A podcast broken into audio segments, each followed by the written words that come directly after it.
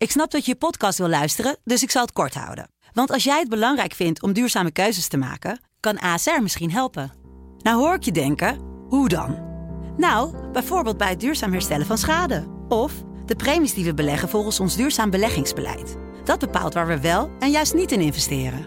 Wil je meer weten over welke duurzame keuzes ASR maakt? Ga dan naar asr.nl slash duurzame keuzes. ASR doet het. Zo, dan kan je nu lekker naar je podcast luisteren. Dames en heren in de rechtbank. De zaak ontleed met Saskia Belleman en Wilson Boldewijn. Dat idee dat zo'n heel klein vrouwtje daar bezig is in haar eentje om een lichaam in stukken te hakken en te zagen. Een podcast van De Telegraaf. Het is zo eh, gruwelijk en zo heftig. Het is bijna seriemoordenaarachtig, dit soort verhalen. Saskia, welkom. Dank je. Vandaag behandelen we zo'n zaak die echt uitblinkt in eh gruwelijkheid, hè, moet ik dan zeggen. Ja. Een moeder van negen kinderen die vermoordt haar liefdesrivalen en hakt haar lichaam in stukken. De verdachte die zwijgt twee maanden lang totdat de stoffelijke resten van de 29-jarige Michelle van de Velde worden teruggevonden in een uitwateringskanaal. Laten we het maar een soort drama van Zeeland eh, noemen. Daar gaan we het zo direct over hebben.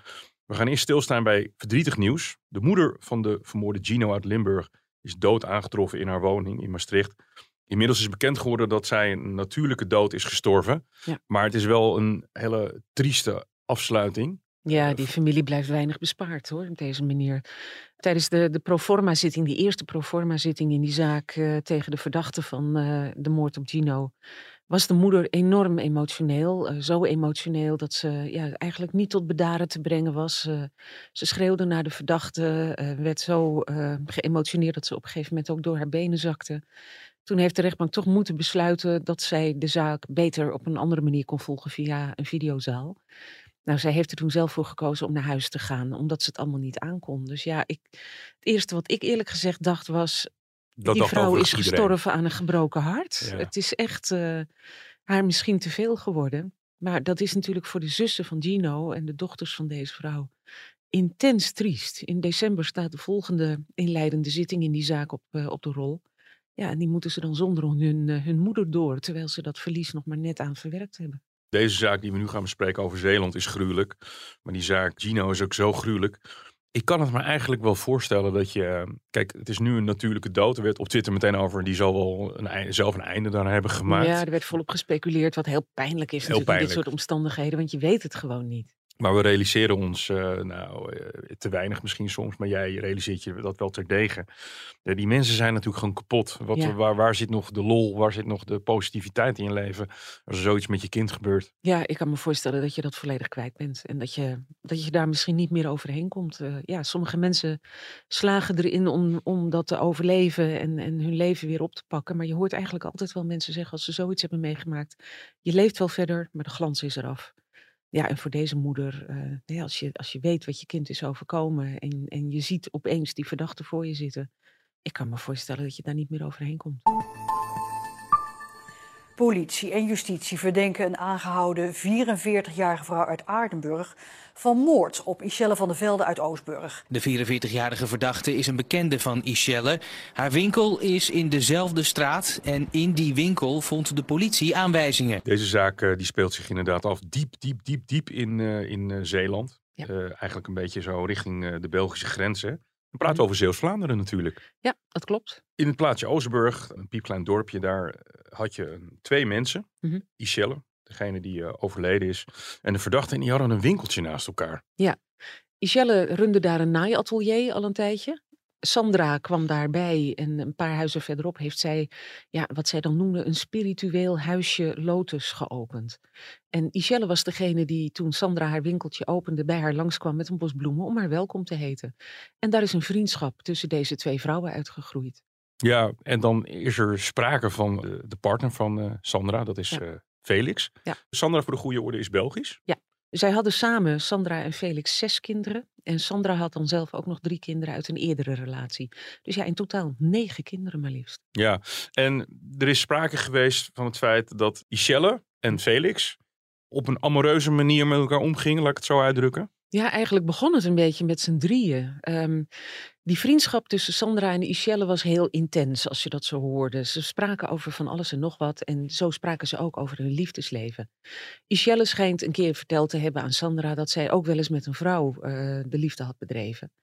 En Sandra was daar nieuwsgierig naar en die wilde eigenlijk haar ja, mogelijk biseksuele of lesbische gevoelens onderzoeken en vroeg of Ischelle daarvoor open stond. Nou, dat stond Ischelle wel. Die wilde best iets uh, een keer met Sandra doen.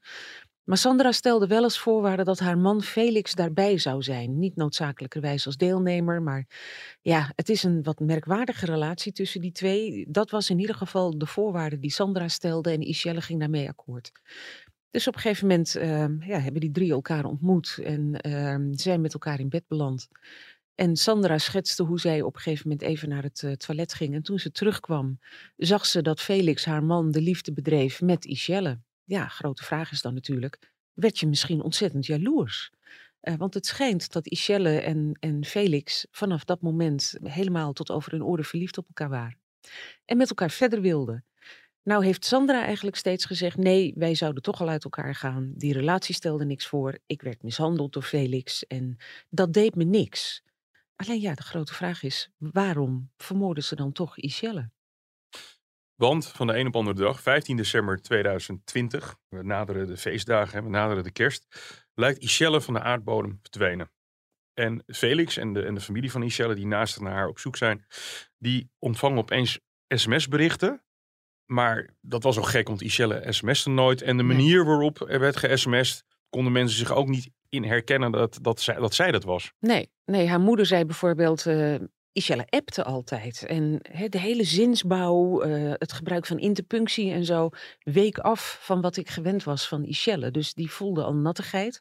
Die heeft bovendien, vertelde ze Sandra, nooit helemaal vertrouwd. En Felix vertelde dat hij berichtjes kreeg waarin Ischelle eigenlijk uh, een punt zette achter hun relatie die nog maar net was begonnen. Ze hadden voor elkaar gekozen, ze wilden met elkaar verder. Er zijn ook apps voorgelezen in de rechtszaal waaruit bleek dat dat echt, echt een behoorlijk forse verliefdheid was. Dat ze echt vol voor elkaar wilden gaan. En van het een op het andere moment kreeg hij sms'jes, wat al raar was, zogenaamd van Ischelle, waarin ze schreef dat ze een punt wilde zetten achter de relatie, dat het er allemaal te veel werd, dat ze naar het buitenland ging met een vriendin naar Indonesië. En ja, vanaf dat moment was ze gewoon van de aardbodem verdwenen. Dus er stond in de berichten, joh, ik ben weg uit Nederland, ik ben op zoek naar mezelf. Of Er zijn een aantal dingen die ik uit moet zoeken. Ja. Reken voorlopig niet op mij om maar afwezigheid te verklaren. Ja, nee, dat klopt. Uh, het was toch duidelijk bedoeld om, uh, om iedereen op een dwaalspoor te zetten. En uh, de familie van Michelle is naar de politie gegaan. En er werd, wordt ontzettend grote zoektocht opgestart. Hè? Die, die lang duurde, ook met honden en alles. Ja, van alle speurhonden zijn erbij ingezet. Uh, het heeft, uh, heeft lang geduurd, maar in eerste instantie uh, werd er geen spoor gevonden van Ischelle. En op een gegeven moment zijn familieleden van haar, uh, haar broer en haar moeder naar dat spirituele huisje van Sandra gegaan om met haar te praten. Ze wisten dat zij en Sandra, Michelle en Sandra, bevriend met elkaar waren. En ja, ze kwamen toch vragen of Sandra misschien wat meer wist. En ja, Sandra die ontving ze daar, die heeft ze zelfs rondgeleid in haar spirituele huisje. Heeft ze te woord gestaan. En daar was al een opvallende geur. Het stonk er ontzettend naar wierook. Ja, en ja, Sandra verklaart dat als volgt. Die zegt van ja, ik heb een spiritueel huisje en ik brandde altijd wierook. Uh, maar dit keer was het waarschijnlijk wel wat veel. En achteraf is gebleken dat uh, Ischelle al die tijd nog in dat spirituele huisje heeft gelegen. In een paskamer, aan het zicht ontrokken door een stapel dozen. En dat was al tweeënhalve week na haar verdwijning. Dus ja, daar moet iets geroken zijn. De broer vertelde dat uh, de speurhonden die buiten in een auto zaten, helemaal gek werden, enorm aan het blaffen waren. En dat de begeleider van die speurhonden zei van nou, dat heb ik nog nooit meegemaakt. Doen ze nee, anders nooit. Die roken het al. Die roken het al. Ja. Waar, waarom was uh, Sandra H., hè, want die werd pas twee maanden later, nou dat is, als het een moord gaat, is, is, is een eeuw bijna. Ja. Waarom is zij niet eerder verdacht geweest? Ja, omdat er eigenlijk niet echt aanwijzingen waren. ze waren bevriend met elkaar. Ehm, er werd niet echt een, een, motief gevonden. Waarom zou Sandra haar goede vriendin Ischelle vermoorden?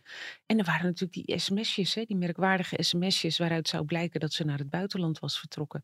En ook Felix had geen uh, verdachtmakingen richting zijn partner op dat moment nee, nog? Nee, eigenlijk niet. Nee. Nee, het is echt een, uh, een raadsel waarom daar niet eerder uh, aan gedacht is. Ik geloof wel dat ze gehoord is door de politie, maar dat was meer om te kijken of zij iets kon vertellen over haar laatste ontmoeting met Ishelle op 15 december. Heeft ze misschien iets gezegd? Was ze misschien overstuur? Nou ja, dat kan natuurlijk van alles gespeeld hebben op dat moment, maar er was nog niet echt een aanleiding om, uh, om haar te verdenken. En een week later, nadat zij aangehouden wordt, hè, dat is uh, 9 februari geweest. Ja. Toen was het alweer 2021, na de Ja. feestdagen, zeg maar, het nieuwe jaar was begonnen. Wordt zij opgepakt, Sandra H. En een Ja. week later worden de lichaamsdelen gevonden. Nou, volgens mij zijn eerst al lichaamsdelen gevonden van, eh, van Ishelle en is Sandra toen opgepakt. Ja, en toen bleek uit nader onderzoek dat eh, er bloedsporen werden gevonden in dat spirituele huisje van Sandra. Dat ehm, er, er overduidelijke opruimwerkzaamheden waren geweest. En ja, Ishelle moet daar in dat spirituele huisje in stukken zijn gehakt door Sandra. En verpakt in plastic zakken en in dozen. En Sandra moet haar vervolgens hebben vervoerd naar dat uitwateringskanaal. Waar ze alles heeft gedumpt. En een heel akelig detail ehm, is dat zij haar 13-jarige zoon heeft gevraagd. Om de lichaamsdelen te helpen versjouwen naar haar auto. Die jongen heeft nooit geweten wat er in de pakketten zat. Hij zei eh, dat zijn moeder had gezegd dat het spullen waren voor het huis. Maar hij zegt ja, er rammelde niks in die dozen. Dus dat vond ik al een beetje gek. Het stonk ook. En er was één pakket bij dat inderdaad heel groot en zwaar was en wat enorm stonk, zei hij. Ja, We hebben hier dus te maken met een moeder van, van negen kinderen. Hè, weliswaar uit een eh, samengesteld gezin, maar een krankzinnige hoeveelheid kinderen. Ja. Die vermoordt haar liefdesrivalen. Althans, het is nog niet bewezen, is een verdachte, laat ik die kanttekening maken. In stukken hakt. Mhm. Pleegt die moord ongezien, is in eerste instantie niet eens verdachte. Nee. Maar wat jij net zegt, er worden lichaamsdelen gevonden. En dan Ja. begint het balletje te rollen. Ja. Hoe heeft ze dat voor elkaar gekregen? Wat weten we over ehm, wat daar gebeurd is? Wat zij zelf zegt is dat ze ruzie kregen. En ja, dat zou zijn gegaan over dat voornemen van Ishelle om haar leven verder te gaan delen met Felix. Of dat nou was omdat ze boos was dat Ishelle het had aangelegd met haar man, of dat ze misschien had gehoopt dat Ishelle voor haar zou kiezen, dat is niet helemaal duidelijk geworden. Maar het verhaal is in ieder geval dat zij eerst van Ishelle een duw kreeg. Dat ze viel, Ja. dat ze met haar pink tegen de deurkozijn kwam en haar pink brak. En dat ze vervolgens eh, is opgekrabbeld en heeft gezegd van, nou die krijg je dubbel terug. En dat zij toen Ishelle een hele harde duw heeft gegeven. Die zou vervolgens met haar hoofd tegen de punt van de radiator eh, in het kleine keukentje zijn gevallen. Was daardoor even helemaal groggy. Ja, en wat ze vervolgens zei was dat ze haar gewurgd heeft. Laten we even luisteren naar eh, Sandra H. zelf, wat hij zegt over de zaak. En haar stem is vervormd. Dan ben ik rechts gestaan en dan heb ik een duw teruggegeven. En dan is Michel eh, met haar hoofd tegen de, rand van de verwarming gevallen. Alles zag zwart voor mijn ogen. Omdat ze bewusteloos was. Ik raakte in paniek. En toen? Heb ik zachtjes haar keel dichtgeknepen. Ja. Ze heeft zachtjes de deel dichtgeknepen. En normaal als iemand eh, valt op de verwarming en, en raakt bewusteloos, Dan bel dan je, bel je, 112. 1, bel je Ja. 112. Dat is Ja. hier niet gebeurd. Nee. Er zijn aanwijzingen dat het nog veel gruwelijker is geweest. Ja. En daar heeft de officier van justitie, eh, die heeft daar een andere theorie over. Het is het meest aannemelijk dat verdachte Ishelle heeft vastgebonden. Kort nadat ze de berichten van Felix op de telefoon van Ishelle had gelezen. Gelet op het postuur en het gewicht van zowel verdachte als Ishelle, zou je verwachten dat het verdachte alleen zou kunnen lukken om Ishelle vast te binden als Ishelle op de een of andere manier weerloos is gemaakt. Mijn sterke vermoeden is dat verdachte dit heeft gedaan door met een hard en stomp voorwerp tegen de rechter oogbol van Ishelle te slaan. Ja, je moet je voorstellen, Ishelle toen ze werd gevonden, voor zover dat nog na te gaan was natuurlijk, bleek een gebroken oogkast te hebben. Ja, dat kan natuurlijk door een val zijn gekomen tegen een radiatorpunt, maar het kan ook zijn dat ze gewoon met een, een hard voorwerp op haar hoofd is geslagen of tegen haar gezicht is geslagen. Ishelle moet vanaf dat moment weerloos zijn geweest, zegt de officier van justitie. Er zijn ook foto's gevonden die, die Ishelle voor een klein stukje tonen. En dan zie je dat ze een beetje onderuitgezakt op een stoel zit aan de keukentafel, maar weggedraaid van de tafel. Met een kleed om haar schouder op een merkwaardige manier. Wie heeft die foto's dan gemaakt? Weten we dat? Nou, die heeft Sandra zelf gemaakt op haar telefoon. Ehm, Die zijn op haar telefoon aangetroffen. ja, want op, dat, op het moment dat die foto's werden gemaakt, zou Ishelle de code van haar telefoon hebben ingetikt. Uh, en dat zou Sandra van haar hebben geëist, zegt de officier van justitie. Je ziet dus dat ze dat op een hele onhandige manier doet, zodat Sandra kon zien wat die code was. En dat heeft Sandra dus gefilmd. Maar Michelle kwam dus gedeeltelijk in beeld. En die zat op een hele onnatuurlijke manier op die stoel. Aan dat kleed zat Franje. En de politie is dus die hele kwestie gaan reconstrueren. En die hebben gezegd van nou, hè, als je een kleed om je hals hangt of om je schouders hangt, dan hangt die franje omlaag. Ja. Maar op bepaalde punten stond de franje omhoog. En dat kan alleen als je er een knoop in hebt gelegd en als je iemand hebt vastgebonden. Dus de theorie is, ze heeft een harde klap gekregen. Ze is daardoor groggy geraakt, misschien wel deels bewusteloos. Is vastgebonden op haar stoel. En vervolgens heeft Sandra haar gedwongen om die code van haar telefoon prijs te geven, zodat Sandra die telefoon niet alleen kon gebruiken, maar ook berichten kon lezen. En ja, daarna moet ze haar gewurgd hebben terwijl ze vastgebonden zat op een stoel. Terwijl Michelle was geloof ik een, een vrij grote vrouw, 1,80 meter. Ja. Ja, 80 kilo zwaar. Daarvan zei de officier van justitie ook. Hè, je moet je voorstellen, ik, ik zat pal achter die verdachte. Een heel ielig vrouwtje. Ja. Hooguit 1,60 meter lang. Nou, veel meer dan 50, 60 kilo kan ze niet gewogen hebben. Het schijnt dat zij een uh, nekhernia heeft. Het schijnt dat zij krachtverlies heeft in een van haar armen. En ze had ook nog eens een gebroken pink. Nou, zegt de officier van justitie. Hoe kan een vrouw met dat postuur, een krachtige, grote vrouw als Michelle, een harde duw hebben gegeven en hebben uitgeschakeld? Ja. Dat kan bijna niet. Dus dat moet gewoon op een onverhoedse manier gebeurd zijn. Ze moet gewoon een klap op haar hoofd hebben gekregen, terwijl ze het niet zag aankomen. En daar heeft eh, Sandra volgens de officier gebruik van gemaakt. We hebben het hier over, je schakelt iemand uit. Ja. Daarna lukt het je als klein vrouwtje, laat ik het even zo zeggen, om een grotere vrouw op een stoel te zetten, vast, vast te binden. binden, ja. Volgens dwingen om de code van een telefoon te geven. Ja. Dat kan misschien nog wel met de nodige dreiging, eh, dat weten we Dat, niet. dat zit er dik in. Daar gaat de Ja. officier vanuit dat ze heeft gedreigd om Michelle wat aan te doen. En dat Michelle daarom eh, misschien toch.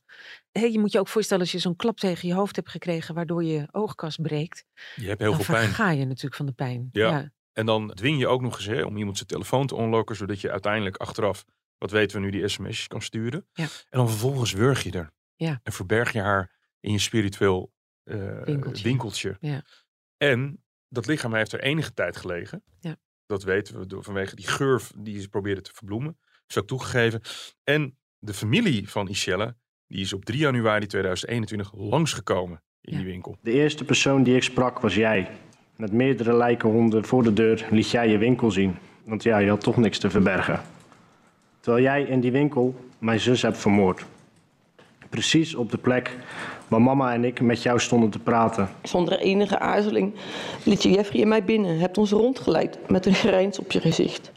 Nu weten we dat die cellen nog in jouw winkel lag. Dat we niet vermoedend op korte afstand van haar hebben gestaan. Ja, het is zo eh, gruwelijk Ja. en zo heftig. Het is bijna seriemoordenaarachtig, dit soort verhalen. Terwijl het om een, om, mogelijk om een liefdesrivaal gaat. Ja, Tweeënhalve week een lichaam in ontbinding. Precies, in in, een dat winkeltje. winkeltje houden. En dan vervolgens eh, tot een nog veel gruwelijker stap besluiten.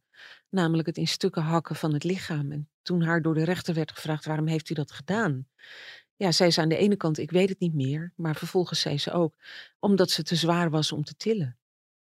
Toen jij eh, bij die rechtszaak was, hè, wat, wat Mhm. voor indruk kreeg jij van Sandra? Ja, ik vond het een hele vreemde vrouw. Maar je indruk wordt natuurlijk ook gekleurd hè, door alles wat je inmiddels weet. Wat wel opviel was dat er helemaal niet werd stilgestaan bij eh, dat in stukken hakken van het lichaam. Ik denk dat de rechtbank dat ook heeft gedaan om de nabestaanden te sparen voor al die gruwelijke details.